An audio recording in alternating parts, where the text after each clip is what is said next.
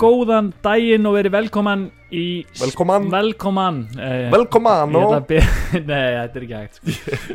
Þetta er bara að byrja kallum við, þú eru bara þetta er bara að byrja, já góðan daginn og verið velkoman í nýjan þátt af Neuhað, henjan morgunin Já, hérna Gísli hann, hann fekk sér hérna nokkur verketöflum og mikið og getur alltaf að tala hérna já þetta verið kveilum þáttur nei við erum hérna konir í, í spá nýjan Já. það er búið að vera mígandi rigning í allan dag Já, En það er bara því að Guð er að grenju hlátri yfir það sem komið nýjum þáttur Nei, ha. já, hann er ég hefi fíling já, gæðugt Þannig að- Ég er peppar sko Já, nú er uh, páskarnir búnir Já, Allir búnir Jésús er risin aftur Jésús er risin aftur og er uppi með Guði líka að hlæja Já, skellilegandi sko. Já Skellilegandi Hann er bara, þeir fóru ekkert að vel við með hann í í uh, Jérúsalem eða eitthvað starf hann í miðausturlunum en þeir, þeir hann aðeins norðar þeir eru að gera góða hluti Þeir eru bara að segja brandara að vera í fíling sko.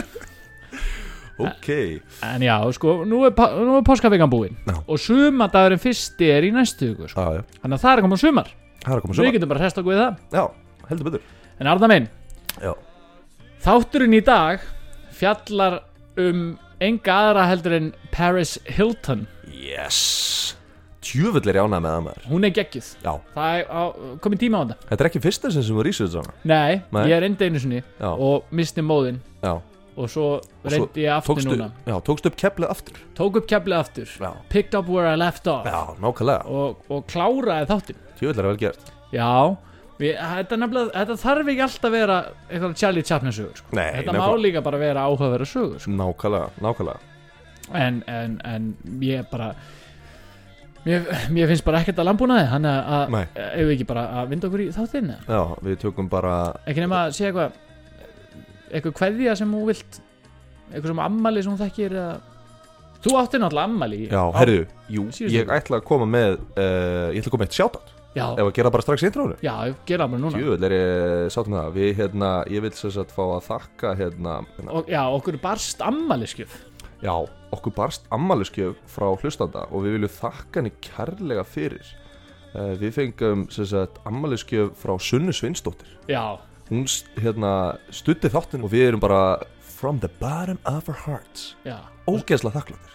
og, sa- og sendi gleðilegur Já, hún sagði, til hafði mikið með ammalið, gleðiljós. já, Það fekk okkur strákur til þess að hlæja vel. Hérna. já við Þannig að- Sko. skellilum eins og Guð og Jésu Já, halleluja. Sko. halleluja Þannig að það gekkja að, að það sé ykkur að núti að láta okkur hlæja. Já, heldur betur Af því við kunnum alveg að hlæja stundum En um, að þessu loknu Já. Þá hérna Viljum við kannski líka bara eh, það er Kannski fínt að prófa að segja einu sinni í byrjun að Ef að fólki líka þáttinn að, að, hérna, að skella í reyting Og, og Já. mæla með okkur við vinni sína og svona, Það er nú En- gaman að- að dreifa fagnar orðinu Það sagði ég svo alltaf, við lærum svona sína Þetta var svona þannig þema Já, og þetta er að fara að vera svo trúað þáttur hjá okkur En hérna, það er mitt, þú veist, okkar þáttur hefur einhvern veginn borist be- bara word to mouth Já. Við erum kvorir fræðigurar Já, uh, bara Við, Mjög ófræðir í raun og veru. já, bara fólk lappa fram með mér á göttinni og bara, Gæti ekki verið meira saman Nei.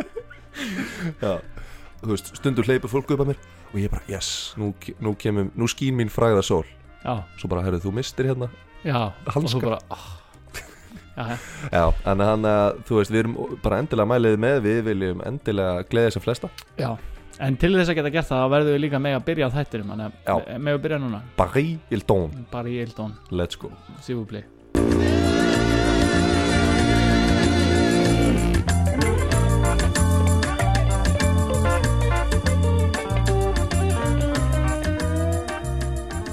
Paris Hilton, Já, þú veist hvað það er ég, ég hef smá hugmynd Varstu með plakat af Paris Hilton í Nei, hefningininu? Nei, ég var með plakata ræðin Gosling, þess að allir það Já, eins og við höfum einu sinni farið yfir. Já, nei, nei, ég var, ég, ég var ekkert ég, ég, bara svona, í fullur hinskilni Ég var með plakata bílum Ég var svona sástrákur, sko Já, Bílaplakatstrákur já, ég var með risa plakat af bítlunum Já, Herberginu mínu. ég var með svona, ég var með svona Lamborghini Countach uh, Countach Countach sem, sem hljómar eins og eitthvað já, dónárað á já, ítalsku það, já, og það gerir það 100% sko. En hérna, en mér fannst þetta plakat eiginlega minna kúl út af bílnum sem er náttúrulega einhver svona flottur retrobíl mm. og meira kúl út af því að plaggatið var upp á vegna hjá pappa minn þegar hann var úlingur Já þannig að það var Ah. svona retro plaggat ég var að reyna að vera eitthvað retro kúl sko. Retro gæ þú manst náttúrulega Þetta er retro búðinni í Smáralind já, Ná, ég talaðu. vesla alltaf þar Já, Nei, þú manst náttúrulega Úf, það er ekki skrítið að svo búið fór á hausinn maður nei, ú, Það það var bara ég sem var að vesla þar já En hérna, já, sem sagt, nei, hérna Ég var að púla ótrúlega lúk í mentaskóla maður ég, ég mætti einu sinni Ég mætti einu sinni í svona 1945 herþótu frakka úr leðri Já, Svona gestapo frakka eða eitthvað já, já Mætti bara í mentaskóla með það Já, ég man eftir og hatt því Og hatt, já já, svona fedora eða eitthvað, þú veist, já, ég var, já. Þú varst rugglaður ég var lélegast sko.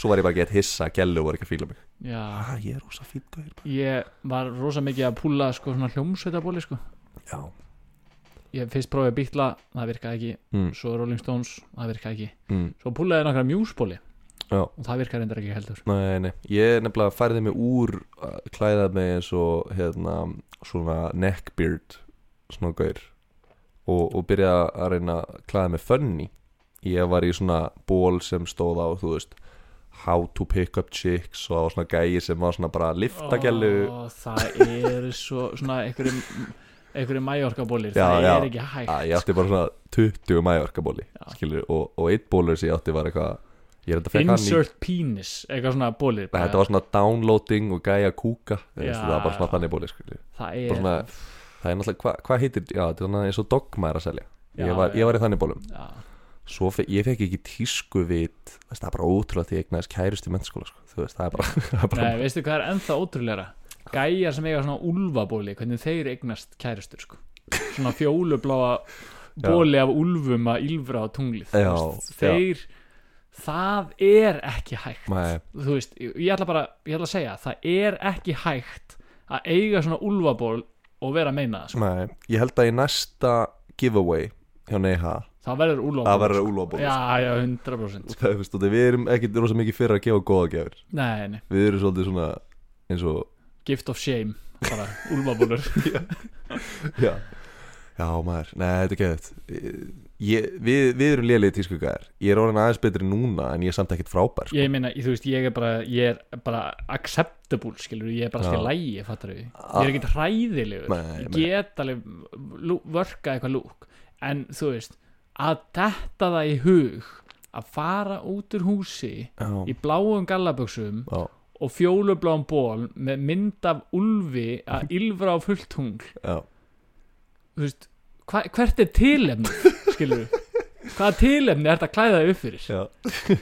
bara ert að fara ert að fara á indjánafund eða þú veist, hvað ertu að gera í þessum ból drulla þér úr þessum ból líka bara Vá, hvað þetta er svona heated þetta er svona, þetta er svona passion Þú veist project hjá bara, þér. hvað er fólk að gera í þessum úlfaból ok, næst ef ég hitti svona úlvagæða, ég er að pæla bara ylfra á hann já bara, eins og ég tengi við hann bara Nei, gaur, gaur, gaur Á Og reyna að fyrst bömpan Nei, bara- Á Ég vissi ekki að það væri fleiri eins og ég Og gæin alveg bara ha, ha Tjö Og svo Já, shit nei, ég bara, þú veist þegar ég sé þetta fólk Mm. þá er bara tvent sem ég hugsa skilur það er annarkvort hvaðan var hann að koma Já, þar sem hann þurfti að vera í þessum úlfaból mm, eða hvert er hann að fara já sem hann, sem hann dresskoti er úlfabólur skilur við, ég get ekki ímynda mér Nei. að það séu aðrar kringumstæður þess Mm. að vera í fjólubláum úlfaból Nei, Ég er nefnilega sko líka Veit ekki hvar þeir eru seldir Að þú veist, Nei, þú hvar- veist, hvar kaupir maður fjólubláum úlfaból með fullu tungli Þú þarft í alvörinu að leita, skilur Já, Þú veist, þú þarft bara alvörinu þetta, að vilja þetta, þetta þarf að vera svo intentional hjá þér að ætla að kaupa úlfaból þú rekst ekkert á úlfaból skilur þetta er bara, herðu ég ætla bara að kaupa mér úlfaból skilur, þú þarft Já. að finna hann og, og kaupa hann, skilur, Það sem- þetta er ekki Nei, það sem líka Þetta þetta er ekki óvart, þú varst ekki óvart í H&M og það var úlfabólur á góðu tilbúði skilur. Ég ætti að sjá Gísla hann bara, þau- Ég bara, bara ég gufar á honum klikka sko. en já, na- já, það sem ég líka svo fyndið er að þú veist, gaurar eins og úlfabólagæjar, þú veist, þeir eru f- það er stutt í fettu orðuna hjá þeim hattinn, Þeir eru líka allir með tagl sko. Já, Eða þú veist, mjög já. margir sko. það sem er líka geðveikt er að þú veist þeir eh, laðast að einhver svona stíl sem var kannski svona 1950s, 1960s sem svona matmenn skilur já, sem viðukent er ógeðsla flott tíska já, já. bara, þú veist, þetta er bara sjarp gaurari stælis en málið er að þú veist þú getur ekki bara tekið hattinn og verið svo í úlfabólum með Nei, það er ekki, það er ekki hægt en það er það sem er búla, það er kannski taka ok, típan er hattur, úlfabólur leður matrix frakki kargóböksur já, já, Þetta er bara eitthvað svona bilað Þú veist og það er Samsuða enginn að fara að rugli, segja sko. mér að þú hefur ekki séð þessa típu En bara, hvað ertu óakveðin þegar þú ert að klæða þig í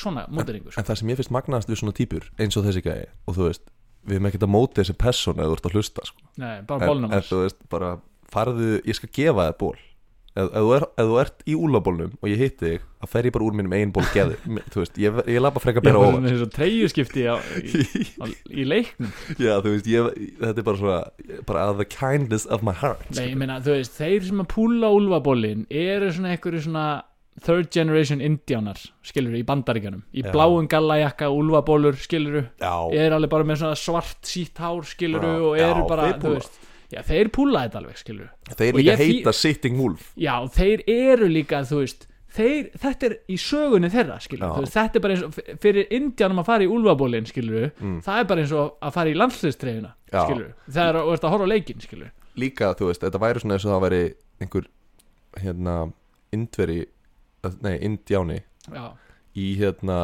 í svona rosalega miklum svona vikingaból já. með svo Já, bara, bara, þó, bara þór hérna bara með sleggjuna skilur er að dundra og bara fullt af einhverjum rúnum og eitthvað Nei, þú myndir aldrei sjá indjánan í þórból Af hverju í fokkanum erum við í úlfaból já, hérna, Ílfur á tunglið, þetta Já. er ekki hægt ég alveg næstir í síðan okkar, ég er bara 100% að fara ylfra á hann og bara reyna að vera vinur hann, skilur bara ég yeah, kallið minn og taka fyrstbömbið Já, en það sem er svo fyndið, það sem ég finnst eiginlega fyndnast í þennan stíl er hvað hann er international þú veist, við erum að tala um skelvilegt, skelvilegt lúk úlabólurinn, meitriskfrakkin fedora, kargoböksunar já. hafa allir séð hann að gæja Það- þú veist, ég lofa að allir hafa Þú séð hann manst nú en eftir hann því er, hann er til í Bandarækjunum hann er til á Íslandi, hann er, til, í Nóri hann er til í Grænlandi, sko. hann er til í Grænlandi Þetta er allstaðar sko hann, það, það er einhver gæji sem sér þetta einhvers þar bara, já, Þetta Þetta er málið. Þetta er minn stíl sko. sko, Þú manst eftir því að einu sinni fóru við á hérna, tattúr ástöfnu í lögðarsvæl Já. og þá var einhver búinn að gera sér lítið fyrir og húðflúra á sig úlfin á bringuna Já. að ylfara á tunglið alla bringunum líka alla bringuna frá, hann er fastur í úlfaból já já, úf ég hef bara aldrei séð jafn brjála commitment á allri æfinni eins og því ég sá þennan gaur vera með úlf tattúeraðan á bringuna að ylfra á blóðurut tungl Já, vá, pældi ekki líka hvað var í geðveikt fyrir gellu að fara heim með gæja í úlaból og svo, Svo- rífur þessi úr úlabólum og hann er í öðrum undir Vá, shit, sko, við verðum að fara að kötta þessa úlfaumræði sko. Já, ég er ok. bara síður með blóði orðið sko. skulum fara að tala um uh, skulum hætta að tala um lélega tísku og Nú- tölum um tísku íkon nú tölum við um íkonið sko. Já. ungfrú Paris Hilton Paris nefnilega, hún um, hún var eiginlega, ég myndi segja hún var í mest svona, svona Mesti, sem íkon mest iconic 2000 gellan já, já, 100% og hún er ábygglega sko, eitt mest bara iconic svona tísku entrepreneur í heiminum sko. Já, að því þú veist, hún var og er alltaf fyrst með fréttinnar í tískuheiminum ok Ég nefnilega sko veit voðalega lítið ef ég á að viðurkjöna um Paris Hilton, ég veit eiginlega ekki neitt um hana ég veit bara, þú veist, náttúrulega, maður heyrði svona út frá sér alltaf að hún var í einhverju skandalum en ég, þú veist, ég smelti aldrei á hvaða skandalunum voru já, en ég sá nokkra þætti af hérna, Simple Life og eitthvað svona mm, og þess að fyndið að þetta er svona sérstaklega á þessum tíma þá var hún bara, oh my god, þú veist, þessi gæla er alveg strópið og hún er bara alveg, þú veist mm, come on, skilju, er hún alveg nöytuð já, en, en hún er samt þú veist, þetta var eitthvað svona sem hún var að púla og, og bjó, sko, bjó, bjó, er ég byggði að segja þér sögur af henni eða er þú að segja mér sögur af henni en my point is að hún sko ég fíla hennar svona carefree attitude henn Já, hún er er- alveg henn er, slétt henn er 100% sama hvað þið já, finnst sko. já, alveg þú veist, þú getur ekki það elskar engin Paris Hilton meira en Paris Hilton elskar Paris Hilton Nei, nákvæmlega hún er hún er sko nú, nú setjum við hérna nú, se- nú stillum við upp borðinu sko. já, nú ætlum við að fara nú ætlum við að fara að steipa hér grunninn já, og nú erum við bara að segja bara mótin, Já, skiljum, já. við erum bara búin að móka hérna í Móka, smá stund já. og nú erum við bara að fara að stilla upp steipumótunum Ok, ok. fyrir þessari þessu hóteli sem við erum að fara að byggja hérna í þætti. já, þessi hildan hóteli þessu Hilton hóteli sem er að fara að smíði þessu þætti Já, sko hún er uh, hún er vasperi eins og ég, ok, það útskýri margt maður það útskýri margt þess vegna er ég svona mikið tískoækun Nei, s- hérna hún er fætt 17. februar 1981 og hérna og hún er meðlimur uh, Hilton fjölskyldunar mm, sem að þú kannski hefði getað giskað á já, uh, en Hilton fjölskyldan nei, ha uh, Hilton fjölskyldan náttúrulega þekkt fyrir hótelkeðunar Já. Hilton hótelkeðunar en, en sem sagt uh, langaði hennar Conrad Hilton Mm. sem stopnaði Hilton Hotels 1919 í Texas í bandaríkunum Mm. og hérna var entrepreneur og, og, og svona áhugavert side story sem ég rakst á er að hann hafi stopnað uh, þarna þessar hótelkeðju uh, eiginlega hérna í kringum uh, þú veist, stríðið og the great recession og eitthvað svoleiðis mm, og eiginlega stopnar þetta og fer fljótlega einhvern veginn á hausinn uh, bara út af, það var náttúrulega bara hérna, svo mikið depression í, í já, bandaríkjanum þarna. mikla hrunni er náttúrulega bara hvað 6 árum setna já, já, nei, veitu, það var 1936, annars 16 árum setna uh, já eftir að hann stopnar þetta væntalega já, já, já. Og, hérna, og hann sem sagt eh, fer eiginlega á hausinn nema að hann fekk uh, lán hjá starfsmanni hótelsins sem var bara eitthvað svona bellboy eða eitthvað svo liðis fekk lán upp á 500 dollara og náði út frá þeim 500 dollarum að endur reysa businessin sinn og réði hann síðan sem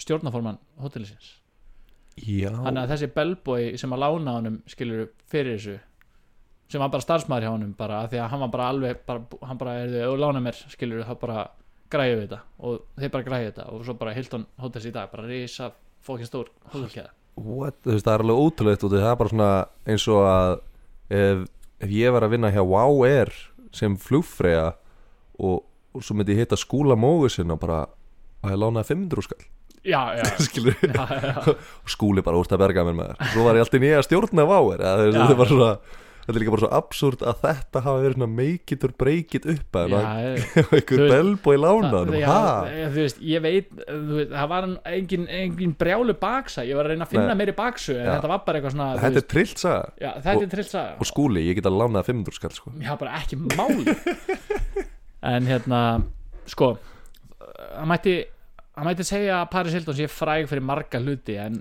að reka hótel er ekki Eitt af Nei, því sem hún er fræg fyrir Nei, sko.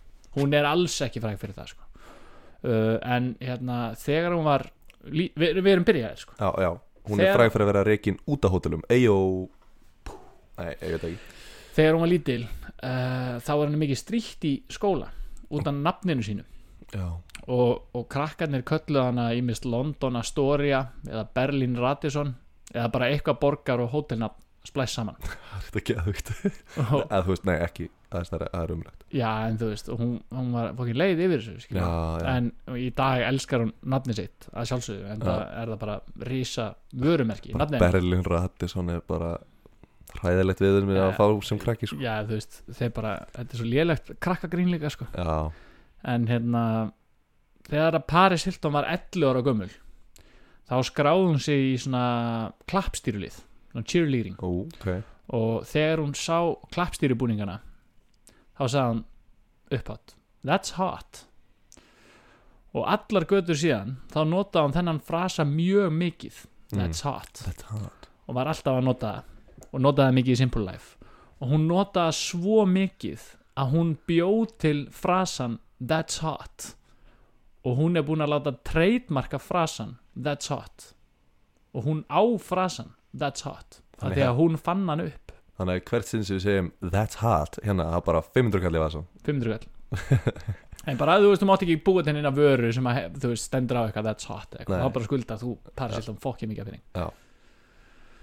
og That's hún, hot. já, já og hún bara trademarkan, bara Shit. that's hot, TM það er þetta, það er svo fyndi hvernig maður getur treytmarkað frasa og orð já, það, þú veist, pældi gæin sem var hérna innspóið fyrir hérna Ólaf Ragnar í, í nætuvaktinni já, sæl, já, fínt, þú veist, það er byggt á alvöru gæ ég man ekki hvað hann heitir, en Já. það er bara eitthvað gæ pældi að hann hefði bara já, treytmarkað sæll já, bara, já, sæl hann hefði bara treytmarkað, skilur og stöð 2 bara, þau þurft að borga um fokkið mikið eða eitthvað. það er Já, það er þetta verið geðveikt það verður ekki eitt sko en já, en hún sko hún er algjör snillingur, Paris Já, Hilton og, já. hérna, og fólk má segja þess að hann vill um Paris Hilton en hún er búin að riðja brautina fyrir svo marga í dag þú veist, hún er bara vörumerki Já. sjálf, skiluru, sem að hún bjóð til, skiluru, og það eru rosalega margi sem tala um það, eitthvað bara Paris Hilton er bara fræg fyrir að vera fræg nei, já, þú veist, já, en Paris Hilton er fræg fyrir að vera Paris Hilton, skiluru, hún bjóð til já, sig sem vörumerki það hefði enginn gert það sem hún gerði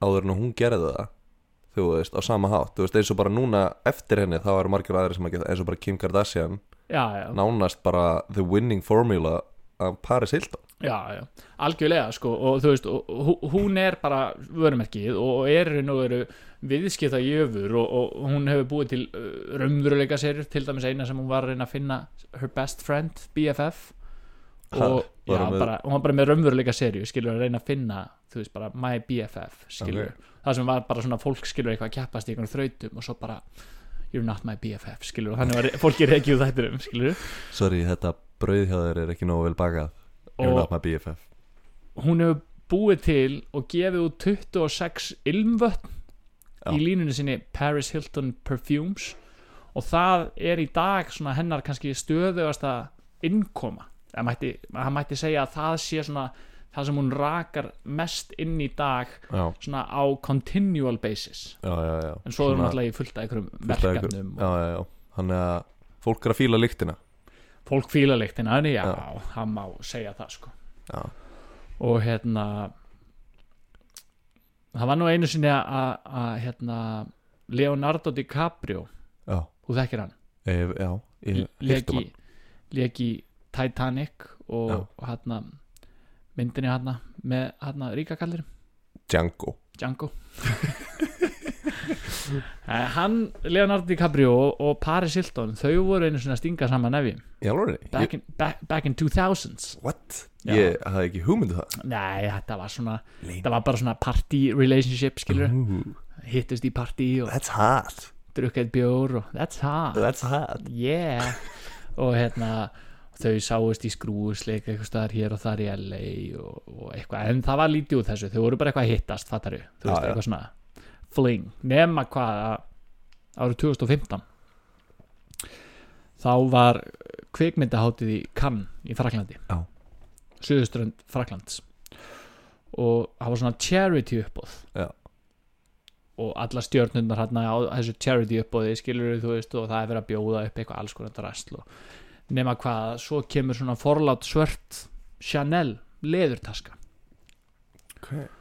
og uppbóði byrjar og þarna er Paris Hilton og, og það bara heyrðu já hérna, svört Chanel taska ógislega dýr og Paris Hilton bara kallaði bara já 5.000 dólarar þá heyrist kallast aftast 6.000 hún snýsi við þar er okkar maður bara með pilot sólgleru Leonardo DiCaprio Leonardo DiCaprio Ú, Já.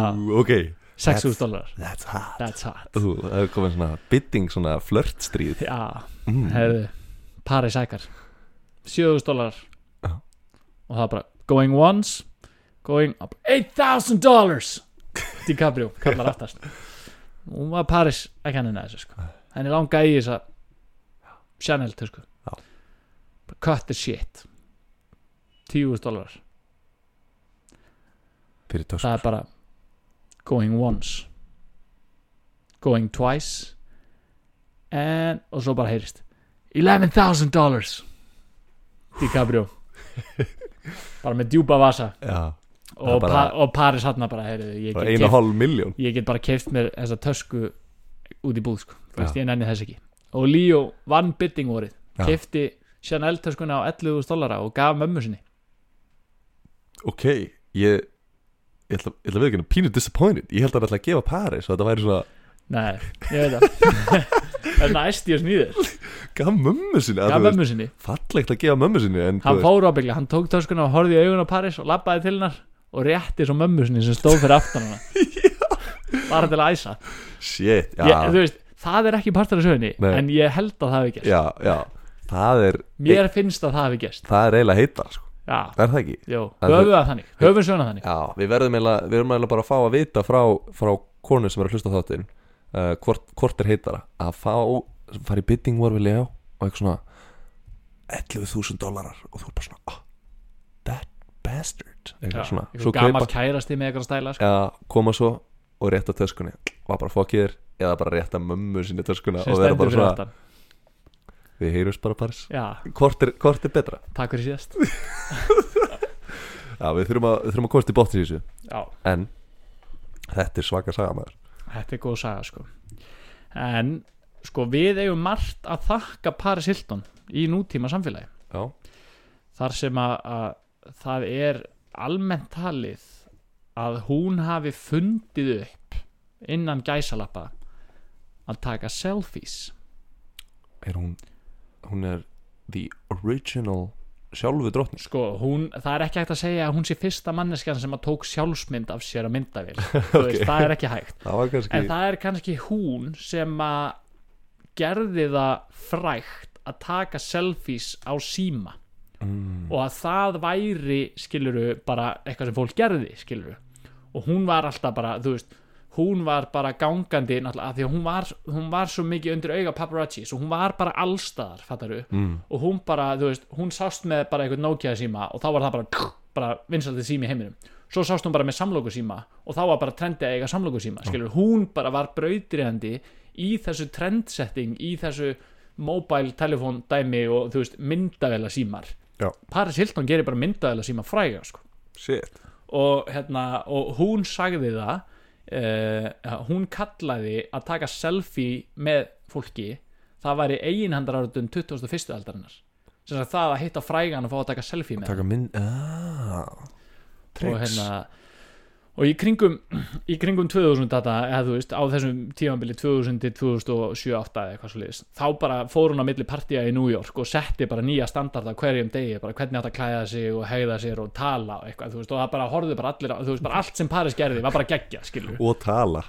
Nei. og svo þetta segja that's hot That's how, nei, bara, já, til dæmis segir svo eitthvað svona, skilur, þú veist, bara einhverju frasa sem að hún notaði, skilur, það var Já. bara, fólk byrja bara að nota það út um allt, þetta skilur, var bara frasa drottning bara frasa drottning og það er einnig hægt að segja það að hún sé fyrsti influencerin já, klálega sko. og þegar að fræðasól hennar skein sem hæst þá var hún einfallega bara fræg fyrir að vera hún sjálf skilur, hún Já. bara bjóð til þetta vörumerki Paris Hilton og hún bara seldi nafni sitt og andlitið og þú veist og hún var bara að- að fronta eitthvað kampa inn í Þýskalandi nei, eit- eitthvað freyðivinn í Þýskalandi fyrir ekki og, og hérna og svo bara, þú veist, eitthvað hérna, perfume og eitthvað og hún fekk bara alls konar drasl og bara bjóð til, skilur, og hún er bara hún segir það í dag að það sé ekkert vandamál að verða frægur af því að einu sem hún þart er bara sími og hún bara because I made it happen já. Þú veist, bara, Ég hún meina- bjóð til þessa hugmynd um það að þú getur verið eitthvað representative fyrir einhverja vörur já, skilurðu. en maður pælir í því þú veist, sumt fólk bara þú veist, var bara frækt í gegnum þú veist, kannski Vine eða TikTok eða YouTube eða eitthvað, bara með því að Já. taka upp sjálf sér og síman, sko. já, Þeir eru bara já. með já svona og sprell. bara selja sjálfan sig Já, skilur já. þú veist og, þetta er bara Paris Hilton var bara fyrst það er trillt að pæli, í, maður hefur ekkert með ekki það pælt í er því. aldrei pælt í þessu það er geggjað sko já það, hún er nefnilega henni er margt til listanalagt henni er Paris okkar ok, en hérna nú breyðu okkur til 2004 ok this time machine never stops Já. sko. þá er nú bara góðæri já svona hálgert Á það er hægt leiðinni að þangað. segja það sko. á Það er á leiðinni þangað. í góðæri sko. má upplega Eh, en þetta ár þá var þá var gefið út mymband í hennar óþökk nú, uh, Hvað hefða myndandi það? og það er náttúrulega það er náttúrulega ekki að, að hægt að fara í gegnum þáttum Paris Hilton á þess að tala um þetta minnband Já, skilur og við erum mættilega að tala um sexteipið að tala um sextip Já. þetta minnband var af kynlífi hennar og þáverandi kærast hennar Rick Solomon Ríksson, ok, já, og það hefði verið tekið, hann er einhver algjör lúsir sko, ok, okay, ok hann er professional poker player í dag með Já. donut og, og, og trucker hat og hérna Það er- það er ótrúð hann bara, já, já og hérna þetta, eh, sem sagt, þetta var eitthvað svona bara private mymband sem hafði verið tekið upp árið 2001 undir yfirskriftinni One Night in Paris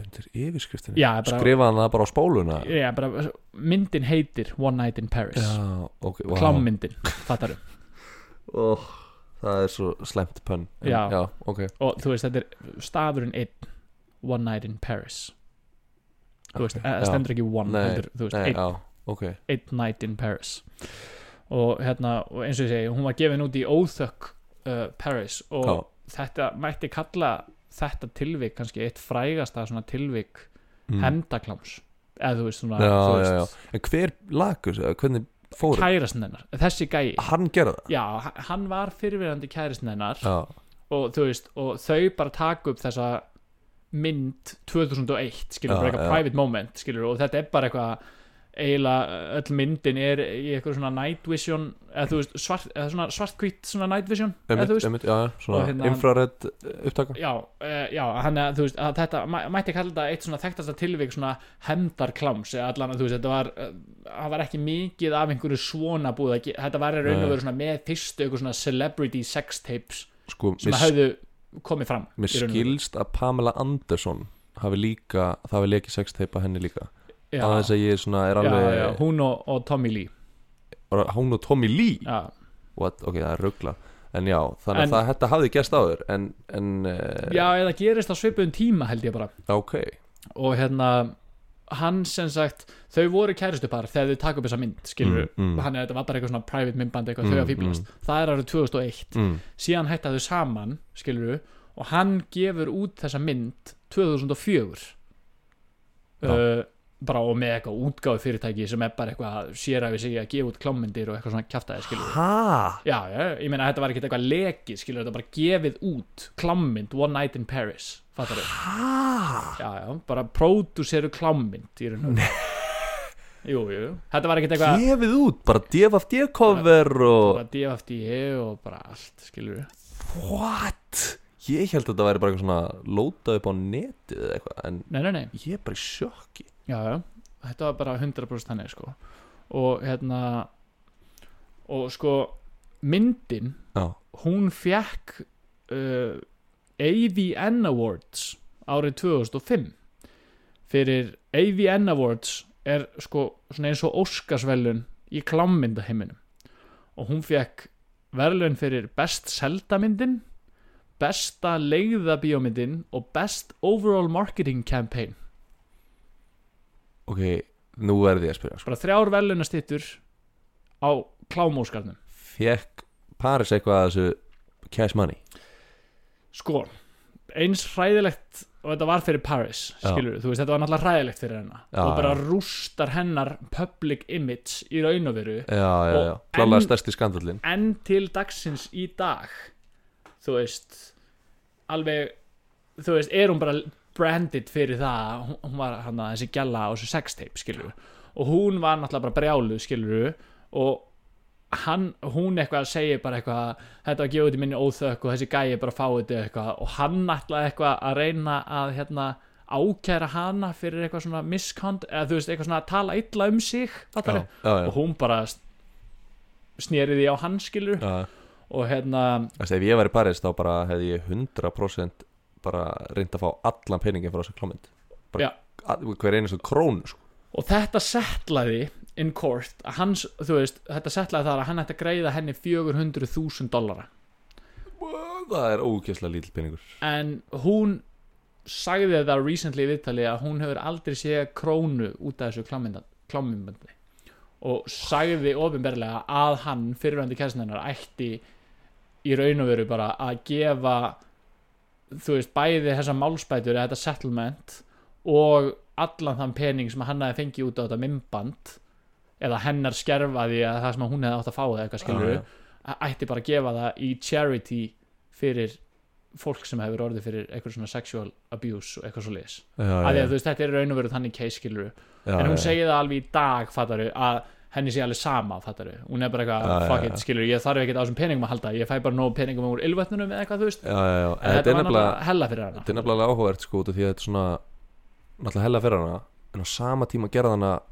miljón sinnum frægari sko ég er nefnilega ekki búið með sögunum Já, ok, já, ok eins ræðilegt að þetta var fyrir hana að þá hérna gerði þetta að verkum að Já. Paris Hilton varð heimsfræg bara allstaðar í heiminum Já, fattar þú? já. veist, Paris Hilton var, jújú, jú, eitthvað þekkti eitthvað svona slúðupressu fyrir að vera eitthvað partístelpa og eitthvað og dóttir hérna Hilton fjölskyldunar eitthvað en The Simple Life þættindir sem að hún gerir með Nicole Richie sem að fjallum það að þær eru bara eitthvað tvær einhverjar ríkar stelpur sem að fara að vinna everyday jobs Já, já, já, þú veist já, það er bara hann að raunveruleika þættir og þeir voru bara nýbyrjaðir skilur bara, þú veist, bara fyrsta serían var í gangi þegar þetta mymband kemur út já, sem að verður til þess að Simple Life verða bara klikka vinsalir þættir, skilur já, Paris Hilton verður bara heimsfræg og Simple Life, sem er einhver seria sem hún er að leiki, verður bara, bara skyrockets, Ah, Já, skilur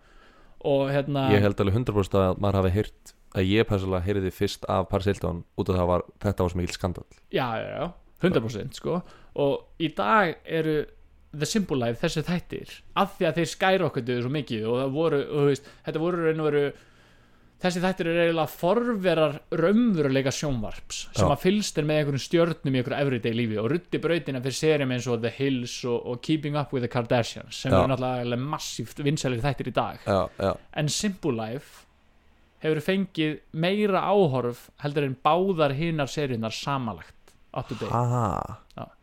Keep me up with Kardashians og The Hills Já. samanlagt, samanlagt vá ég hef aldrei grunað að þetta væri svona þetta, eh, fucking hits. þetta var bara allstaðar í heiminum urðu þessi þættir bara vinsælir skilur Shit, þetta er ekki trillt maður sko já ég meina þetta er náttúrulega frekar svakalegt að þetta að, þú veist þetta er náttúrulega crazy fyrir hann að hafa lendi í þessu en á sama tíma Já, þá er þetta stór contributing faktor í því hver Paris Hilton er í dag og, Mm. þú veist, og vörumerki sem hún varð já, já, og hún náði náttúrulega bara að snúa því sér til hagnaðar já. allt þetta publicity en ég meina auðvitað rústa þetta niður skilur þú veist bara Já Svo er þetta fyndið, þú veist, þetta er svo fyndið hvað þetta er mikill skandal Út af þetta er bara hvað, þú veist Þú veist, auðvitað vil maður ekki að sexteipi sitt sé floating around, skilur en, en á saman tími þá er þetta bara fólk að ríða, skilur Þetta er svona, já ég meina þetta er bara fólk er í það 100% þetta er Þú ekki veist, annað þetta er bara svo fyndið tabu, sko, að þú veist En, en já, já, og svo, svo náttúrulega, þú veist Kim, Kim, Kim Kardashian líka Ég man að það var svona svipað dæmi, þú veist Hún var bara svona eitthvað fræg Og hún og Paris vantarlega vinkonur minni mig að þær hafa verið eitthvað vinkurinn okkur tímbúti en síðan gerist það sama að hennar og hún líka nær að snúa því við og búið til huge fortune þetta er klikkað já, hvað já, þetta svona það er svona spurning þú veist, fólk er svo sex obsessed að það þurfi þú, að, þú veist strax svo eitthvað svona gerist þú veist þá bara aðteklin verður svo brjálega mikil svo er bara all publicity is good publicity eða þú veist já já við erum stöður þannig Þa, já, já, það má alveg deilum það sko hvað hérna og hvort að það hafi á sínum tíma verið intentional eða ekki sko þegar að Kim kemur sko já, einmitt en ég ætla að halda áfram að tala um Paris Hilton já af því neglum að við erum að, með þáttum Paris Hilton Paris Hilton sko Paris Hilton hún elskar djúbstektan kjúkling that deep fried chick The Deep Fried Chicken, já. Já. og hún talar um það í gríni að einn daginn ætlar hún að gera ylvat sem er lykt af djúbsteknum kjúling af því að hún elskar hún elskar fried chicken Það er veik hugmynd sko. já, hún elskar fried Þú chicken veist, Ég elska lyktina af Kenny sko.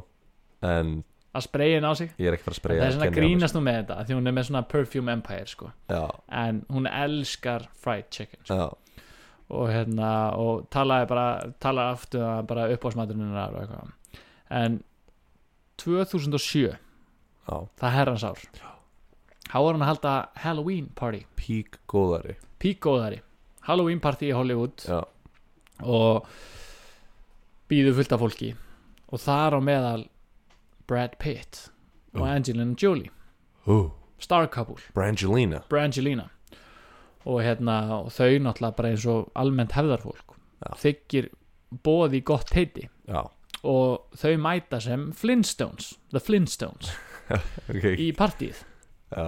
og hérna og auðvitað, ég meina mæta allir í búningum skilur Takk þetta bara alla leiði, skilju, Já. saga, bara gólu úr bílnum og...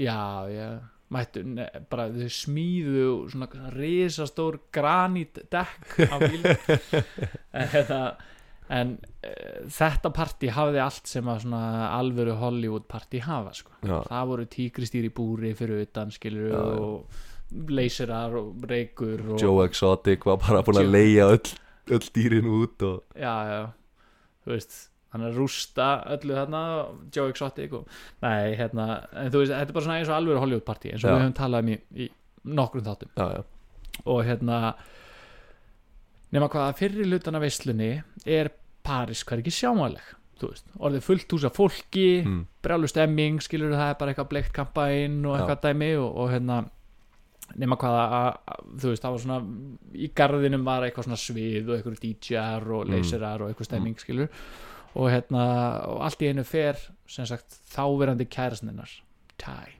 Ty, Ty Parada Ha, Ty Parada Ty Parada einhver mótel dutti í LA ógislega Vá. snalur hann fer upp á svið Bara ég heyra það bara á nafninu Hvað er næsta leið? já, What's up? My name is Ty Parada já, já með einhver svona, Hilton's boyfriend svona með einhverja silfurkeðju, svona grófa silfurkeðju um hálsinn Bara þegar þau hittust I am Ty Parada Ty Parada That's hot Þetta hefur verið geðveikt Þetta- Power couple þetta var sam, samtalið sko. uh, hann fer upp á svið þar sem að DJ-in er Já og hann er í Spiderman búning skilur, Ty, Það er ekki hægt hann er í Spiderman og hérna Æ, hann þakkar öllum fyrir komuna og hann bara, þú veist, eitthvað bara ah, great to see you all, þú veist, eitthvað og Já, me- kynnist Meira svona It's great to see you all já, já, great Þannig er hann fyrir mér sko. og hérna, og hann kynnir bara, heyrðu, bara let me introduce the host of the, the night skilur, bara Já. host kvöldsinn, skilur bara my girlfriend Paris Hilton, þú veist hún lappar inn á svið, skilur, eins og þetta var þá var þetta líst einhvern veginn þannig eins og þetta var- hefði verið eitthvað svona svið og eitthvað svona Já, já. backroom og eitthvað skilur hún lappar inn á svið í bleikum skilur svona kjúklinga þú veist bara eins og svona fried chicken leg skilur og Brad Pitt sem að segjast hafa séð ímislegt um æfina var bara sjokkerað skilur kemur inn þú veist í svona bleikum svona fried chicken eða þú veist leit út svona eins og chicken drumstick sem að glitraði sem að glitraði allur af því að það voru svona svarofski skilur svona kristallar út um allt skilur bara á svona spotlight og, og hún byrja strax bara á læginu Turn It Up sem að hún hafi gefið út á plötunni sinni Paris Hilton árið áður Já sem er svona clubbing lag sem að hún gaf út Ok, vat, ég vissi ekki eins og hún væri búin að gefa út tónlist sko. Nei, hún reyndi það 2006 að vera tónlistamæður skilur Ok, ok, ok hún setur bara turn it up lægi sitt skilur, bara í kjúklingagallunum eða þú veist, í drumstick búningnum Já. allir út í svarofski kristalum, bleikur og litin fattaru, og um leið og lægi byrjar, þá lappar þjónustu fólk inn, skilur eða þú veist, þarna í garðinum Já, klætt í svona Colonel Sanders hvít jakkaföt, með bakka með fried chicken, skilur, er bara, Kenny með Kenny að gefa öllum gestum Nei, þetta er ekki og hérna Það er Mm. ekki hægt. bara eitthvað midnight snacks Já, og Brad Pitt segir bara it was really nice I mean I love me some fried chicken but that was fucking weird ég elska líka hvað maður hérna þú veist, það er ekkert meðan ekki hægt að segja að maður elski eh, steiktan, eða þú veist, djúbstekta kjúklin ef maður segja I love me some fried chicken Þú Já, veist, já. maður segir það bara eins og maður sé frá Suðuríkjum já, já, ég get, ég, ég, ég svona reyna að visualisa þetta eitthvað að, að vera bara kjúklingaleggur skilur, og það þurfti eitthvað að sauma þetta já, skilur, já hún er bara með her af liði skilur við sem er bara að gera það sem hún um. byður Já, það já, þú veist, líka bara svona hva, þú veist, þetta, þetta pitch meeting þú veist, hva, ég, ég bara er ekki, ég er ekki áttum á þessu bara eitthvað uh, alright, I'm gonna have a Hallow- Halloween party great idea Paris, love it I'm gonna be a pink chicken leg with Swarovski crystals What do you want to be? Pink chicken leg. Excuse me? Pink chicken leg. Like a raw chicken leg? No, no, a pink one with Fried. diamonds. Fried, Fried pink. pink chicken leg with diamonds Shining Já. Þetta er bara, þetta ætti að vera lag bara, þeir- þetta er taka nýtt lag um hérna, Pink Floyd bara Fried with diamonds Du-du-du-du-du. Shit bara, ég er bara, já, þetta er geðið Og svo af hverju var líka kærastinn hennar Spiderman Já, ég Þú veist, meina, er- meikar enga sens bara, var hann þann að hvað heit hann, Ty Thai Parada Ty Parada, var hann bara Babe, that's a fucking great idea I'm gonna be Spider-Man Já, ég, þú veist En þetta lið er líka bara rugglað í haustnum bara, skilur. þetta er power couple hann að kjúklingaleggurinn og spæta Já, og Brad Pitt bara í fucking sjokki skilur. líka hann er í sjokki í Flintstones búin Já, hann hefur bara verið bara jabba dabba don't sko já, bara jabba dabba What the fuck já. ok eh, maður þess, En ég meina, þú veist, hann var samt sáttur skilur Hann var alveg að raða í sér kjúla skilur Já. Þú veist, hann varst að gegja skilur maður getur náttúrulega ekki verið í vundurskapi með, með Colonel Chicken í minnum Nei, nei, nei, nei Vá, er, er Kenny opið það? Í, Ég mér þessu? lóka fokkin ekki kási sko. ég get ekkert við aldrei talað um KFC og láta verðum, KFC verðum, Það er út af bræðinu sko. hvað, ef við getum fengið spons hérna frá Besta Kenny, við- þá er það að ég til í það sko Reyndar, frændi minn Já. Hann var með geggja trygg sko. Aha.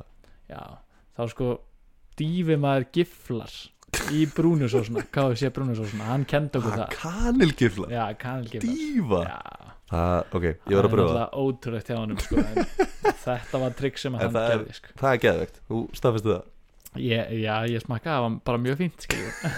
ok, ok Herru, já, En höldum áfram Nú ætla ég að halda áfram Þú, þú, þú er mikið búin að reyna að tala um Kim Kardashian í svona þetta Já, og nú Ja, er komið einu að því að sinni. við, við tölum já, mikið hún er bara svo mikil persónleiki að Já. það er nóg að segja nafnina einu sinni já, emmi en Kim Kardashian mm. og Paris Hilton hafa verið vinkonur síðan að þær voru bara börn Elrunni já það er eiginlega bara að alast upp saman sko. PH og KK PH og KK sko. og hérna en Paris Hilton despite what people think today skilur að Kim Mm. Kardashian er þessi þú veist fyrskjalla sem er eitthvað dalalala skilur Mm. þá hefur Paris Hilton eiginlega bara verið alfa í þeirra vinasambandi sko. Já, og upprunalega Kim Nördin já, neða bara Kim bara að elta sko. Já, og upprunalega var Kim bara þekkt fyrir að vera gjallan sem að hjekk með Paris Hilton já, hún var bara nobody sko. no, já. og Kim Kardashian byrjaði að vera rosa mikið með Paris í kringum 2006 þegar að Paris var the shit Já. skilur við og hérna og Paris meiri segja inklútur hana í einhverjum þáttum í The Simple Life skilur við já.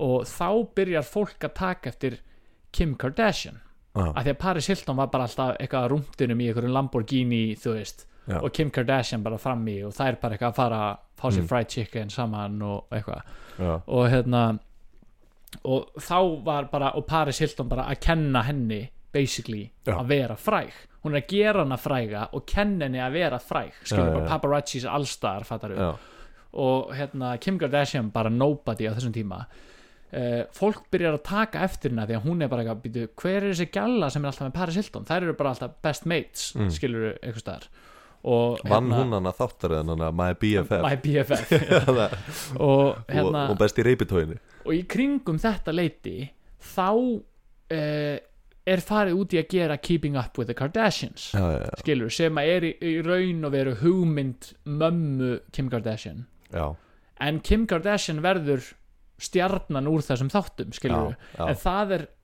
má í raun og veru þakka Paris Hilton af því að Paris Hilton mótaði Kim Kardashian inn í Mm. þetta hlutverk, ég meina að segja allt sem að Kim Kardashian er búin að gera var Paris Hilton búin að gera á undan henni sko. já, já, já, já Bara fæ, þú Þú veist, það er bara 100% fakt bara- sko. skilur við. Já, já, og það er alveg hún ruggla bara, hún bara gengur inn í þetta hlutverk sem að Paris Hilton er búin að búa til og Já. þjálfar Kim Kardashian eiginlega í já, sem já. er klikku pæling Já, já, skilur við. þetta er bara, En maður vissi það samt, þú veist, einhvern megin Þú veist, út af því að það eru svo margir parallels Já, en máli er bara, það er allir hættir að tala um Paris Hilton í dag í þessu samengi, fattar við, Já. en ef maður, sko, þú veist, horfir á þetta utanfrá skilur, þá er Paris Hilton bara pioneering í því sem að mikið af þessu Já. stjörnulífi er í dag bjó Paris Hilton til árið 2000 sko, eða þú Já. veist í kringu þetta leiti En svo, svo líka var svona áhugaður pæling að varpa út er að Paris Hilton uh, date ykkur Thai Thai dye gæja eitthvað skilur við Typerada Thai par- Thai parada skilur við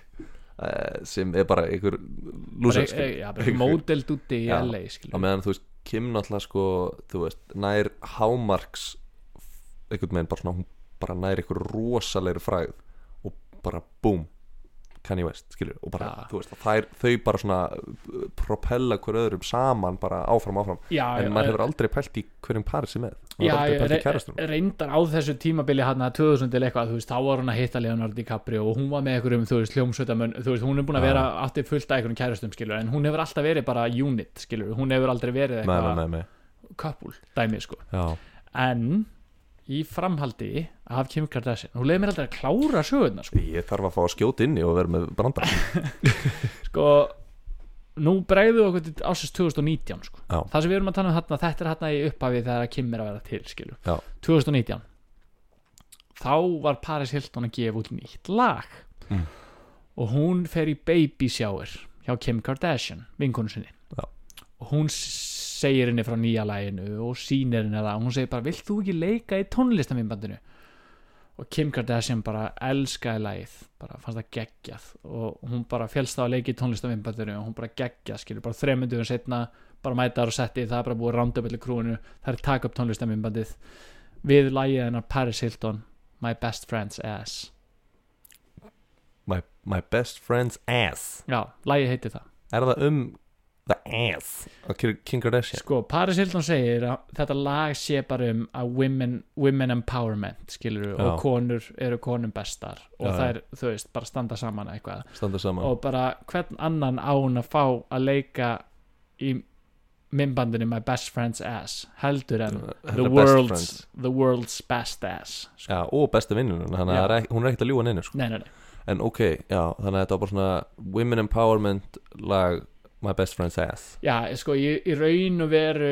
ég lustaði aðeins að lagið sko. já, og í raun og veru þá er það eitthvað þannig sko að það er eitthvað svona coming up to the club fuckboys everywhere já. all I can look at is my best friend's ass eitthvað svona þú veist þannig já, að við vingurinnar erum saman já okkur er sléttum ykkur fuckboys ykkur strákara því að, Ah. því að my best friend has the world's best ass já, ok, já, það er alveg það er alveg frekar fyndið lag sko ég, Já. en, hérna, hún er nú líka með smá badunkadunk skilur káká já Svo þá er ég að tala um King Kardashian ég er ekki að tala um hérna þann íslenska, íslenska hérna, ekki blúsleikaran ég er ekki að tala um bluesleikaran Káká hann, hann er öruglega með fínt junk in the trunk sko. en, en hún er fræg fyrir bossan já það má segja það en uh, nú förum við aðeins hérna í tökur á Simple Life já, þá átti hún uh, sem sagt eins og við fórum í aðan The Simple Life voru raunveruleika þættir eiginlega fyrstu sinna tegundar sem Já. að elta frækt fólk einhvern veginn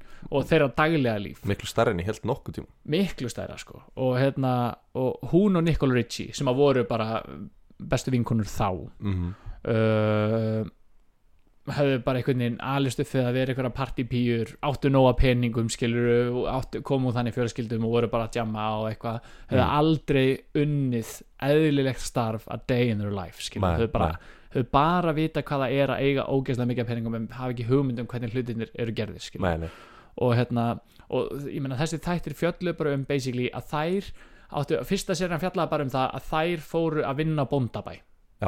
skilur og voru bara að vera bændur ég, fattar ég sá með eitthvað úr þeirri serju sko. en síðan serið, það voru gerðar fimm serjur sko já, og hérna ég held og, nefnilega að það var eitt aðtriða sem Paris var með nefa, að þú veist bara hendina bara lengst inn í svona inn í kúaraskati, ja, sæða kú sæða kú já, já. og hérna Þa, það var í fyrsta sinni, en síðan fór þetta bara í svona bara, basically að þær voru bara að gera everyday jobs, Mm. skilur bara eitthvað að vinna eitthvað á e- einhverju dekkjaverkstæði og eitthvað svona, Já. þú veist, eitthvað svona alls konar manual labor dæmi. KFC og einu sinni, KFC einu sinni þá áttu þær að vinna á útfarastofu í einn dag ok, við að setja sem sagt ösku af sem sagt cremated fólki í svona öskukir Já. nema hvað svo bara það er búið að útskýra fyrir þeim skilur hvernig það er að gera þetta og svo bara eitthvað fer út, farið stjórnin skilur og það er bara já, þau bara, þau bara notið þetta sikti hérna skilur og bara farið valega, þú veist, þetta er bara þú veist, við erum að setja bara loved ones í svona öskuker Mm. og þetta er alveg freka mikið í bandaríkanum að fólk eigi svona öskuker af loved ones skilur þú veist, Já. læti brenna, eða þú veist, fólk er brent og sett í svona kér sem er svona eitthvað fallegt kér sem Svona- að er á heimilinu Svona fattar earn, eins og maður segir á Já, ensku. urn, já. Já. og það á Íslandi má það ekki eiga þessi kér, skilur, þau Nei. eru jörðuð en í bandargjörnum þá er hægt að eiga kérið, skilur, þú getur bara verið með afagamla á arinhillinni í öskukeri, skilur, Það er brjálu pæling fyrir mér það er trillpæling sko, Já, þú veist, á- en aftur á Af móti hverju myndum að þá, vilja? þá eru líka sko hermenn eru jarðaðir svona, skilur þeir eru cremated og svo eru öskukerin jörðuð í svona hermanna kirkjugörðum, já, skilur það meikar sens en, Og en ég hérna- myndi ekki vilja vera með afa bara, þú veist, á sofaborinu nei, nei, en ég meina það eru sumir, skilur Já, já, og hérna það lukkaðist ekki betur en það að Nicole var að setja skilur öskuna í, glemd að nota sikti skilur, hann að það svona pú, pompaði allt í og askan svona flöyt svona upp og hún fær bara svona óstjórnlest hóstakast skilur, bara, fær bara ösku skilur, bara eitthvað dauðan í lungun ha, hún skilur var bara afa gamla bara já, bara, bara, og svo, bara þú veist, fær hann bara og hún eitthvað svona snýr sér við í ösku, nei, í hóstakastinu og rekur olbúan í öskukarið og það dettur á gólfið skilur, og bara aska út um allt nei.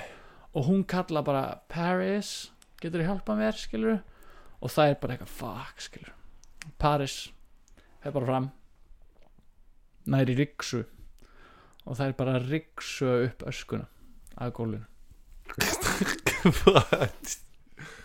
Ha Afi gamli fekk að fara bara í þetta rollercoaster hann hann fór í söguna sko Það bara byrjaði, vá, ég Ég ætla að vona að gamli hafa verið með húmór maður Því að Já. þetta, er- þetta er svakalegt að lendi þessu eftir að maður er búin að Já, en síðan hérna Paris Hilton, hún hefur sem að við erum að tala um, Paris Hilton Já, hún hefur alltaf verið þekkt fyrir uh, party life, the, pa- the parties já, og hérna og hefur undanfærin áru verið að DJ á Ibiza og já, held, heldur þar sko allræmt svona partykvöld sem að kallast Foam and Diamond Nights og hún lærði það nú að móðu sinni að tala aldrei um peninga en sko sagan segir Hún er 39 ára gömul að DJ á Ibiza Já, sagan segir að hún fái yfir 300.000 dollara á klukkutíman við að DJ sem að þýðir að eitt DJ set hjá Paris Hilton kostar eina miljón dollara, eitt kvöld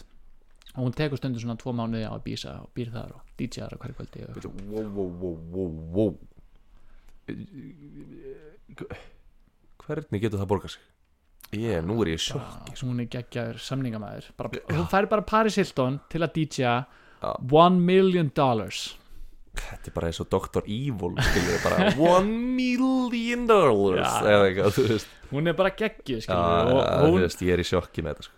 Og hún er að sjálfsögðu er hún heima í einangri núna, Paris, Já, út af COVID, mm. fattar við? já, Og hún er, eða, þú veist, hún er ekki með COVID en hún er bara, út, út, þú veist Hún er bara ekki á útgö- Ibiza hún- hún DJ er ekki- fyrir eina Nei, milljón. nei, hún er bara heima á sér í mannsöfnu og hún er að sjálfsögðu búin að kontribjúta í heima tónleikaserjuna en það er hægt að sjá full DJ set með Paris Hilton á YouTube sem hún setti inn á mánudaginn vá það er nú bara Þetta er bara, freka gott DJ set með mín, þessu mín stærsta eftirsjá að það bara hefði ekki séð þetta shit live sko. Já, og hún bara klikka hvað hún hoppar mikið og emmi mikið að bleikum bánsum fyrir fram að sig og eitthvað og hérna, en hún var alltaf og er alltaf að halda partí, hún er náttúrulega bara þekkt fyrir að vera partístelpa og hérna og hún bauð oft vin okkar Steve O Já, í partí í partí Já, se- og það var svo sem ekkert skrítið af því að hann var alltaf rugglaður í partíum sko. Já, og hérna en það sem honum fannst best við partíin hjá Paris Hilton er það var alltaf snjókoma í partíunum hjá Paris já, já. það snjóaði alltaf já, það snjóaði alltaf sko, það var alltaf snjókoma en hjá Paris það var alltaf blizzard sko. Já, það var já. snjóbili, skilur það var bara Já. snowing like crazy sko. Það bara, bara janúarstormurinn já, nema bara kókain já, já, Skilurðu? já bara, bo- það var bara snjóað og snjóaði kókaðin í Fólk- þessu partíin Fólk snjóaði bara inni og Já, það já. var svo mikið kókain já, já, já, það Ok. bara það þurfti gæja að koma á svona mokstusbíl í partíin og hérna einu sinni þá mætti hann í, í partíi til Paris Hilton Já. með fartöluna sína að því að hann og vildi sín henni sko öll heimagerðu kynlýsmyndböndin sem að hann átti að sjálfum sér það voru að bera sama bækur en hann bara vildi sín henni skilur, hann bara vildi horfa á með henni öll heimagerðu kynlýsmyndbönd sem að hann hafi gert já, og hann átti sko fokki mörg Já. en hann sagði reyndar að- að þau hafi ekkert verið mjög löng, hann væri meira svona wine guy hann, Já.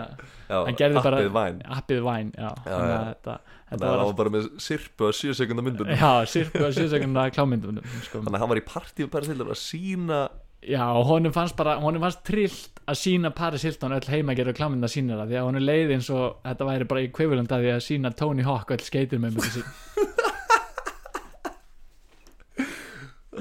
og P- Perry sátt með þetta Já, en bara fannst ekki ekki að skilur bara öll heima tilbúinu vídjónas uh, já, Steve-O geðvægt en hérna, Paris hún er hérna hún er líka, hún er heldtekin af VR tækni já, virtual reality virtual reality og hefur verið að leggja fullt af eggjum í þá körfu og hérna og hún hefur verið 3D skönnuð af fyrirtæki sem heitir Staramba og er að búa til síndarveruleika heim þar sem að hún er að DJ eitthvað reyftónleika og þú getur, þú veist, sett á þig síndarveruleika gleru og verið bara á reyftónleikum þar sem að Paris Hilton er að DJ og hún segir að þetta sé framtíðin að hún ætla að setja bara upp svona VR stúdíu heima á sér þar sem hún er skönnuð in real time og þú getur bara hvar sem er í heiminum joinað reyfpartíið hennar þar sem hún er að VR DJ skilur við Shit, þannig að þá eins og við tölum um í sko, einhverju senasta eða randóbalíka þettinum vera bara með gott kústskápa partí Þannig Já. þú ert bara með VR-gleruðun og í kústskápnum Já, með opnin í botni og og, og, Paris er að DJ það líður bara svo sért með öllu vinnum já en svo ætla ég að ljúka þessu Já, hérna, loka sagan já eða svona eiginlega eiginlega styrlu staðrind um Paris Hilton mm. en þú hefur heyrt hvernig hún talar skilur við bara Já. í öllu, hún bara svona oh my god, Hún er svona- skilur við Hún svona, er hæ, svona Valley Girl hrein Já, svona high-pitched, svona krakkarödd Já, skilur svona bara, svolítið can Oh I nefmælt." please have uh, this þú veist einhvern veginn, svona, God, are you Já. serious right now? Já, that's so hot emitt Paris Hilton er bara djúbröduð Nei, ha? jú. en hún talaði alltaf með svona high-pitched prinsessurödd til þess að fá allt sem hún vildi Bíddu, bíddu, bíddu. Þannig að þú ert að reyna að segja mér að Paris Hilton er bara eitthvað Oh my god, that's hot og svo bara eitthvað hætta kamerun og hún bara Alright, how did you guys get that? that Nei, þú veist, was amazing en hún, hún, hún tala bara, þú veist hún, hún er bara, röddin hennar er ekkert ósvipuð röddinni minni í pitch Ok, ok, ok.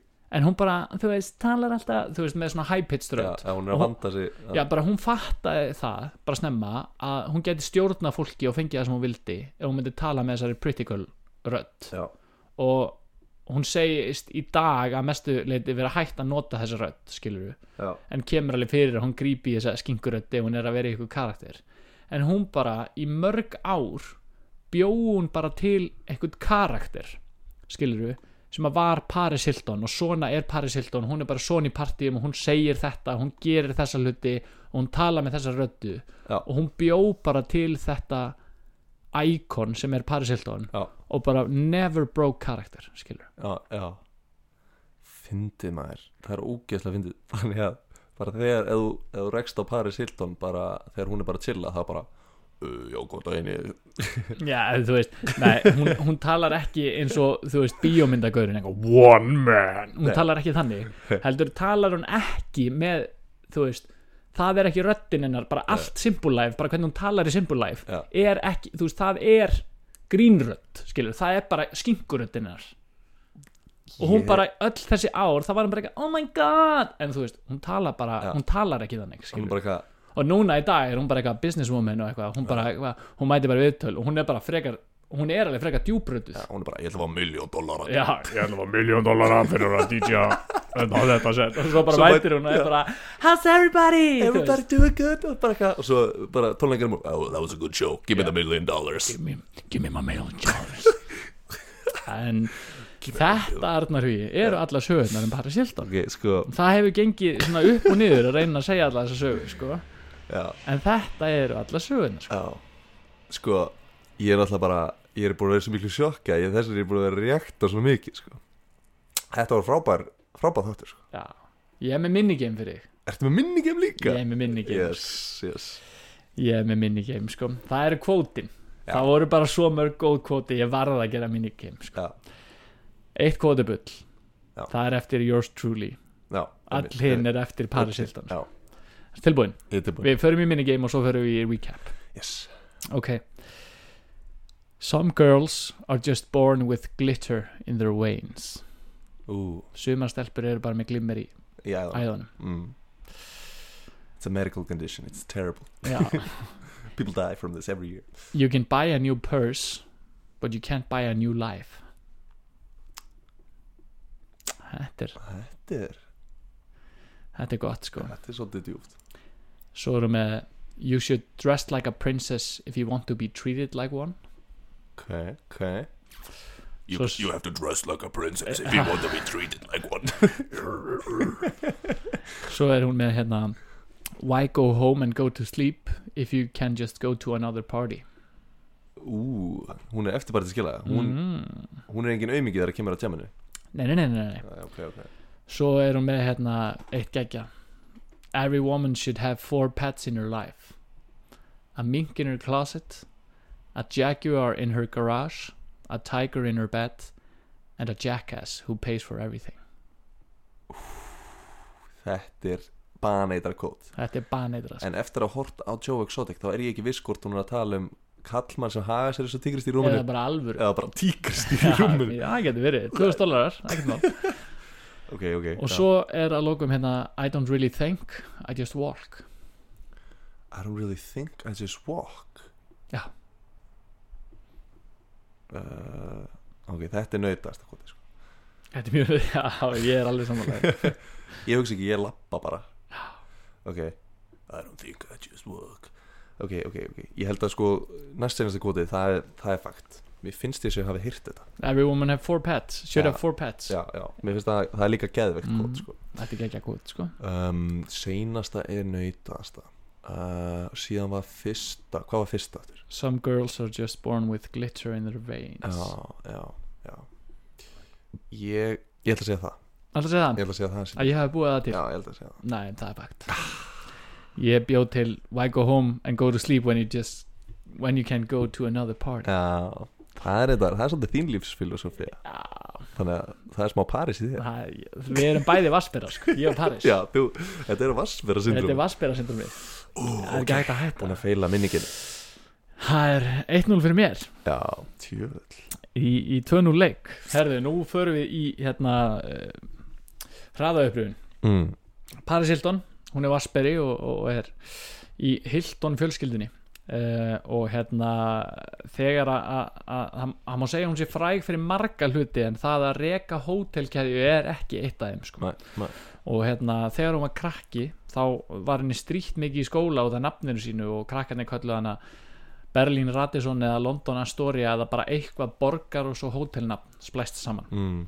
Leðilegt og já, Einelti. ógislega fúlt sko en, en hún Ja. elskar nafni sitt í dag og, og hérna, Það var Reykjavík Center Hotels já, já Reykjavík sendir um, en uh, þegar að- að Paris var 11 ára þá skráði hún sér í klappstýrulið og sagði þegar hún sá búningin That's hot mm. sem að endaði svo með því að það varð svona hennar catchphrase sem hún Mm. hefur síðan trademarkað í dag Mm. og hérna og það mætti segja að hún sé algjör snillingur þar sem að hún hefur í raun og veru búið til sig sem vörumerki og hérna bjó meðal annars til raunveruleika serju þar sem hún var að finna sinn BFF Mm. og hefur gefið út 26 ilmvötn í sinni línu Paris Hilton Perfumes Já, þetta, þetta er góð saga og ég er svona, ég verðilega pínu forvitin hvernig þetta BFF dæmi var, sko. þetta var þetta bara eins og Hunger Games bara. Þetta var eins og hangið hann bara, þú veist, nýju á eigi, Já. sá sem liðið af. Já. Eh, en svo var hérna Leonardo DiCaprio vorin svona stinga saman nefjum Mm. kringum 2000 Já, og hérna það var bara eitthvað svona fling og Já. svo heitist það ekkert meira nema svo 2015 að þá skullu aldeilig saman eh, hérna eitthvað, já, ég ætla að segja eitthvað cool já, skullu saman eða bara sköllu hvort nakkanir, annað þau skullu hvort annað 2015 Já, þegar þau lendu í svona bidding war Já. um Chanel tösku já, sem hann gaf svo mömmu sinni sem að Leo kifti á 11.000 dollara og gaf sig að mömmu sinni já, sem að við síðan bættum eftir á við söguna að hafi staði beint fyrir aftan Paris Hilton þannig að hún held að hún væri að fá töskuna já en svo uh, mammans Nákvæmlega, þannig að við viljum endilega vita hvort er heitara líka inn á gramma já, já, verðum, verðum að vita verðum að vita herðu, svo getum við þakka Paris Hilton fyrir margt í nútíma samfélagi því að Mm. það er talið að hún hafi fundið upp innan gæsalappa að taka selfie mm -hmm. og hérna og að hún sé í raun og veru fyrsti influencerin Já. og hún segir að, að því að hún í raun og veru fann það upp að vera frægur fyrir að vera bara maður sjálfur í raun og veru Mm. að búa til vörumerki úr sjálfum sér og hérna, og hún segir að það sé ekkert mál að vera frægur í dag eina sem þar til er sími að því að she paved the way sko. já, og hérna árið 2004 var gefið út uh, kynlýs uh, minnband, sextape já Eh, á bara útgáð fyrirtæki já, bara útgáfi fyrir, já, bara kærastinn hennar fyrrverandi Rick Solomon that bastard já, og hérna og bara, og f- bara seldi í raun og veru, eða þú veist, fekk útgáfi fyrirtæki til að gefa út klámyndina One Night in Paris og þessi mynd fekk þrjú svona klám Óskarsvelun Mm. á AVN Awards fyrir besta seldamyndin, besta legðamyndin og, og best overall marketing campaign Já. Uh, og eins hræðilegt á þetta var fyrir Paris og, og hún hefur aldrei fengið séð krónu Nei. um, af þessari mynd uh, þá hérna varð þetta í raun og veru til þess að hún varð heimsfræg svona overnight og Já. þættarinnar The Simple Life uh, urðu bara vinsalir um allan heim Mm. og þeir voru svona kannski forverar raunveruleika sjónvarps uh, og þeir hafa fengið meira áhorf heldur en The Hills og Keeping Up With The Kardashians samanlagt shit, það er klikkafakt sko Það er klikkað bara. Svo er það hérna Paris Hilton, hún elskar Júla en Kjúla sko. Kiki, við verðum að fara á KFC þegar við erum búin að sko, ég er að troppast mér langar þú veist ég bara og hún talar um það í gríni að einn daginn mun hún gera ylvatn með kjúlalikt já, það er bara jóksamt og hérna, en 2007 held hún Halloween party bauð Hall- Brangelina sagður Halloween Ha- Hall- Halloween Halloween Halloween uh, og bauð Brangelina hjónunum Já. meðal annars mm. og þau mættu sem Flintstones já, og hérna hæ- þetta þú veist hafi all the bells and whistles tíkristýrigarðinum og Já, eitthvað já. og hérna síðan hérna hún hafði ekkert sérst fyrir hluta visslanar nema svo fer kærasn hennar Typerada og hérna hann verður upp á svið í Spiderman búning Já. og kynir til uh, kynir fram the host of the evening já, og innlappar Paris Hilton klætt sem svona fried chicken drumstick bleiki kjúlin bleik, bleikur svona fried chicken drumstick með Já. Swarovski kristallum já, og Brad Pitt bara sagðist að það sé ímislegt en hann var bara í sjokki þegar hann sá þetta já, og hún byrjar á að skella læginu sínu Turn It Up og gæjar þú veist þjónustu fólki í Colonel Sanders búningum labbarum hún og er bara að- með kjúlan já, kom í kjúlan og Brad Pitt endar þess að sögu á að segja It was really nice, I mean, I love me some fried chicken I love me some fried chicken but that was fucking weird já ok, síðan uh, Kim Kardashian og Paris Hilton hafa verið, eru að æfa fornar vinkonur Mm. og það má segja að í, í, í stuttum áli að Paris Hilton hafi mótað Kim Kardashian inn í það hlutverk sem að Kim Kardashian er í dag mm. og hérna 2019 þá fór Paris í babysjári á Kim Kardashian og síndir í nýja lægi sitt og samfærana um að leika í mymbandinu við lægið My Best Friend's Ass og þær tókum mymbandi upp þremmu dögum setna Já. svo hérna var við tökur á The Simple Life þá áttu þær að vinna einn daginn á svona útfærastofu Já. og Nicole Richie var að setja hérna ösku í, í svona öskukar já, og nema hvað að hún notaði ekki svona funnel eða svona trekt já, glimti trektin glemdi trektinni og askan fór í loftið og hún fekk hóstakast og rakst í kerið og askan á gólfið og Paris Hilton náði riksu og riksaði upp öskuna og setaði það á gólfið og wow. hún hefur verið þekkt fyrir mikið partilíf Já. og að DJ og að býsa og heldur þar Foam and Diamond Nights og fær uh, yfir 300.000 dollara á klukkutíman eða 1 million dollars per s- DJ set það er eitt kvöld Hefist. og hérna ah, og það eru heima það er full DJ set á YouTube Já. heimatónleikar með Paris og út af COVID og hérna en alltaf þegar hún var að halda partí ekkert alltaf, hún bauð oft Stívo og hann Já. var alltaf fókin spenntur að fara í partí til Paris Hiltona því að það var alltaf hægt að skýða Já. hjá henni það var alltaf, alltaf fresh powder Já, já, í fjallinu hjá henni sko já, og einu sinni þá mætti hann með fartöluna sína að því að hann langaði svo að sína Paris Hilton öll heimagerðu klámyndbundi sín og þau Já. horfðu á þau öll og hann sagði reyndar að þau hefði ekki verið mjög löng vegna þess að hann var more of a wine guy já og meira Hann var appið. já, og meira, og honum fannst það geggja að sína Paris Hilton öll heimagerðu klámynda sína og honum fannst það svona vera jafngildi þess að sína Tony Hawk öll heimagerðu skeitið paupir sín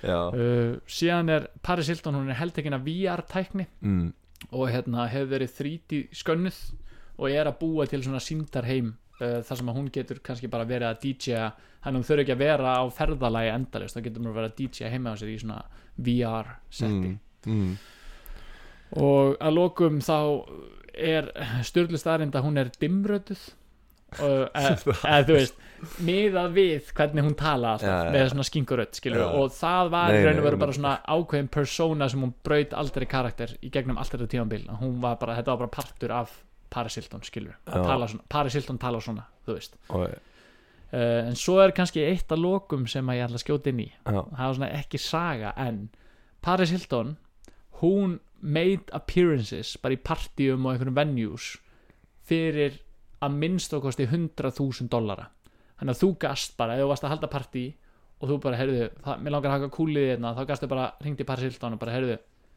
getur þú komið í partí og hún bara, já, 100.000 dollara það er og bara mikið- mætti í partí, skilur, bara fekk borgað 10 miljonir og bara mætti í partí ef við söfnum nóg mikið spons og pening en að neyha þá bjóðum við henni á næsta live Pjóðu Paris næsta leifsjó en hérna já, þetta er styrlamar hérna, uh, ég ætla að bæta við einu fun fact sem ég heyrði einhvers þar Já. það er að hérna, sem sagt, eftir að hún var fræg og eftir kynleismyndbandið að þá hérna, var hún svona disowned af uh, fjölskyldu sinni og allavega af afa sinum uh, þannig að hún uh, fær engan arf og var líka kött, þú veist, það var kötta fundingið frá fjölskyldunni þannig að hún datt úr sem sagt hún fær engan pening frá Hilton lengur Það er reyndar ekki alveg rétt sko Nei, Eh, það sem að gerðist reyndar var að afennar átti allt korporationið Já. skilur við sem að hann erði af pappa sínum skilur við, langa eða stopnandanum mm.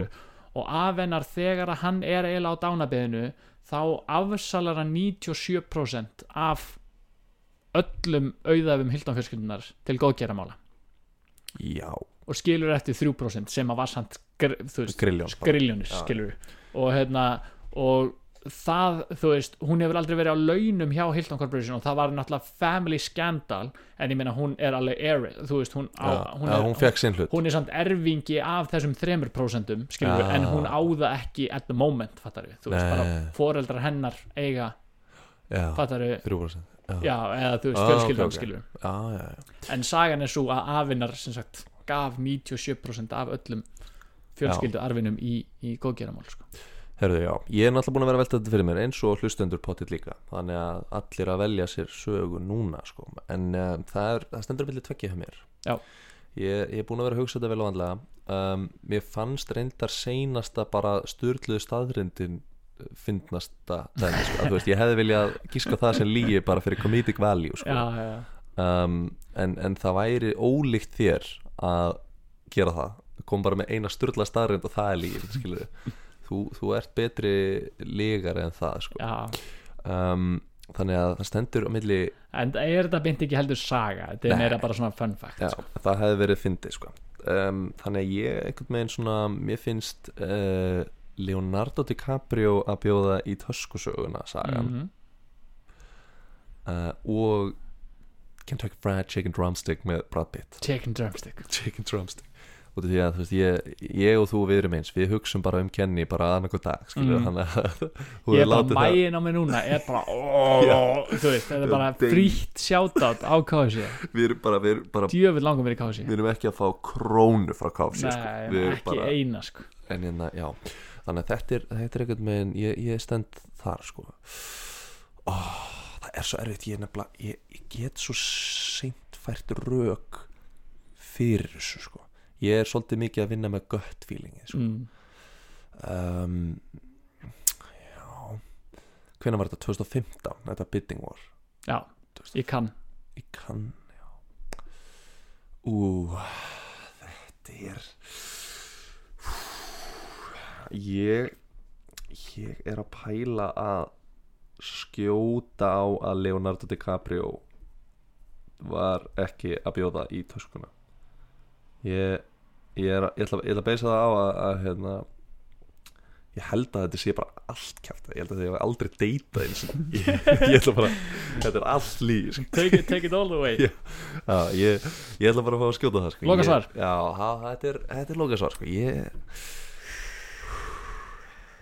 Kling, kling, kling, Ding, ding, ding, ding, ding, ding. Herðu, Já, sko Paris Hilton hefur átt marga kærasta í gegnum tíðina sko. fræga og ófræga Já. lúsira og ekki lúsira já, og Leonardo DiCaprio hann var vissulega einn af þeim það var kærasti Já, já, hann var einn af þeim sko. já Þau sildu saman Þau- á Titanic þau, þau hann hjælt henni einu sinni við svona enda á grindverki skilur og sagði henni að báða út höndunum og, Já, hann um, teiknaði hann einhvern tímann svona og hérna þau voru einu sinni að hitta sko. Já, og 2015 á Cannes kvikmyndaháttíðinni þá var að vísu charity uppbóð ok, og þau voru í bidding war það voru í byttingur já, já. og Leonardo DiCaprio vann Já, þannig að þetta er þannig að þú giskar að ranga sögu Djöfull. Ah, þetta var sönn saga svo, Það er ekkert nýtt svo varstu líka með aðra sögu hérna mm. KFC söguna Can't hug fried chicken en Paris Hilton, það er alveg fakt að hún elskar djúbstektan tjúla sko Já.